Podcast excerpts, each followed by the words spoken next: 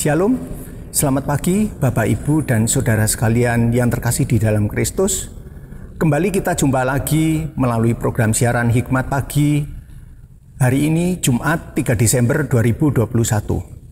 Tidak terasa kita sudah memasuki bulan terakhir di tahun 2021 ini. Kita sudah melewati masa-masa kritis akibat pandemi virus COVID-19 yang terjadi yang lalu. Dan kita terus berharap kepada Tuhan supaya kondisi semakin hari boleh terus semakin baik sehingga keadaan boleh normal kembali dan semua aktivitas kembali berjalan dengan lancar. Baiklah Bapak Ibu sekalian, kita akan mengawali pagi hari ini dengan membaca dan merenungkan sebagian dari firman Tuhan. Pagi ini firman Tuhan akan disampaikan oleh Saudari Kesia dengan mengambil tema Penantian yang pasti. Mari kita awali dengan berdoa lebih dahulu.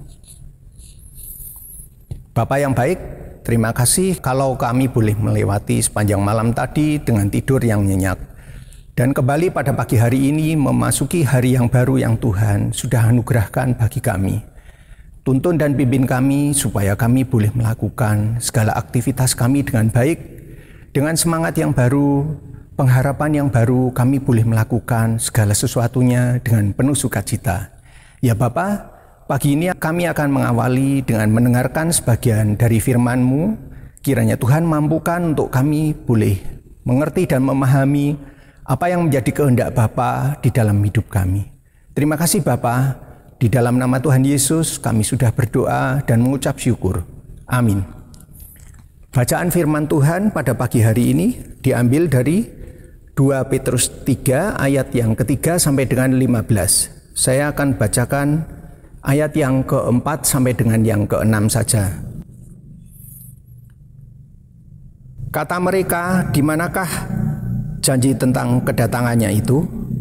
Sebab sejak bapak-bapak leluhur kita meninggal, segala sesuatu tetap seperti semula. Pada waktu dunia diciptakan, mereka sengaja tidak mau tahu bahwa oleh firman Allah langit telah ada sejak dahulu dan juga bumi yang berasal dari air dan oleh air dan bahwa oleh air itu bumi yang dahulu telah binasa dimusnahkan oleh air bah. Demikianlah sabda Tuhan. Syukur kepada Allah. Shalom, selamat pagi Bapak Ibu Saudara yang terkasih di dalam Tuhan Yesus Kristus. Bapak Ibu Saudara, mengapa menunggu adalah hal yang sangat sulit?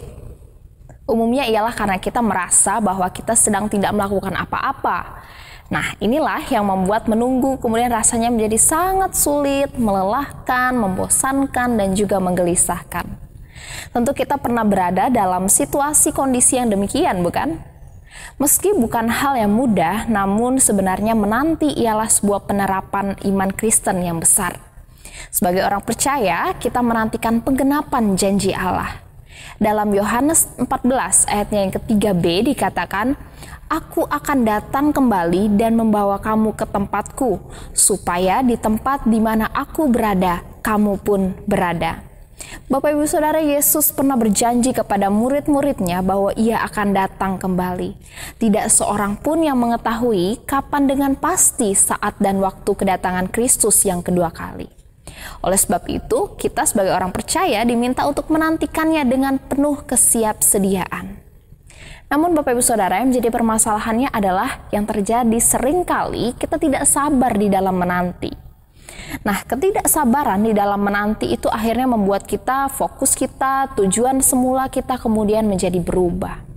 Rasul Petrus dalam bagian firman Tuhan yang hari ini kita baca mengingatkan kepada kita bahwa dalam penantian akan kedatangan Kristus Yesus kedua kalinya, kita akan diperhadapkan oleh rupa-rupa ajaran sesat yang dapat membuat fokus kita teralihkan dari tujuan semula rupa-rupa pengajaran yang menuntun kita untuk mengikuti hawa nafsu daging, keinginan daging yang membuat kita untuk berpikir, bertindak, berkata-kata yang tidak sesuai dengan kebenaran firman Tuhan.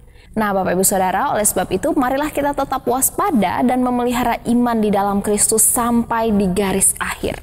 Sebab Satu hal yang menjadi alasan kuat di balik penantian kita ialah karena Dia pasti akan datang dan firman-Nya pasti akan digenapi di dalam kehidupan kita. Bapak Ibu Saudara, peliharalah iman dengan teguh sampai dengan hari kedatangannya tiba. Amin. Mari kita berdoa. Bapa Maha Kasih di dalam Kristus, kami bersyukur Tuhan untuk firman-Mu yang pada pagi hari ini boleh kami dengar. Mengingatkan kami kembali bahwa meskipun saat waktu dengan tepat pasti kami tidak tahu kapan kedatangan-Mu yang kedua kali, namun satu yang kami tahu dengan pasti bahwa Engkau pasti datang dan juga engkau pasti akan menggenapi firman-Mu di dalam kehidupan kami. Oleh sebab itu Tuhan, tolonglah supaya kami dapat menjadi anak-anak-Mu yang dapat tetap setia mengikut Tuhan, yang dapat tetap setia memelihara iman kami tetap teguh di hadapan Tuhan. Sekalipun dunia mencoba untuk menawarkan begitu banyak hal yang menjauhkan kami daripada Kristus, namun biarlah hal itu tidak menggoyahkan iman kami. Justru kami dapat tetap setia mengikut Tuhan sampai di garis akhir. Kiranya roh kudus-Mu menolong serta memampukan kami anak-anakmu yang penuh dengan kelemahan dan keterbatasan ini. Bapak yang baik, sepanjang hari ini kami menyerahkan kehidupan kami ke dalam tangan Tuhan.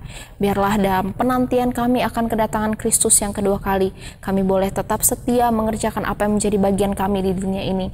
Mengerjakan dengan sungguh-sungguh, dengan takut akan Tuhan. Dan biarlah apa pun yang kami kerjakan boleh menjadi berkat bagi kemuliaan namamu. Berikan kami kesehatan Tuhan, Kiranya sukacita, damai sejahtera dan pengharapan di dalam Kristus Yesus terus melingkupi kehidupan kami. Terpujilah namamu, demi Kristus kami berdoa. Amin. Bapak Ibu Saudara, selamat menjalani kehidupan sepanjang hari ini dan mari kita terus ingat kebenaran firman Tuhan untuk menjadi anak-anak Tuhan yang tetap setia menunggu kedatangan Kristus Yesus kedua kalinya. God bless you.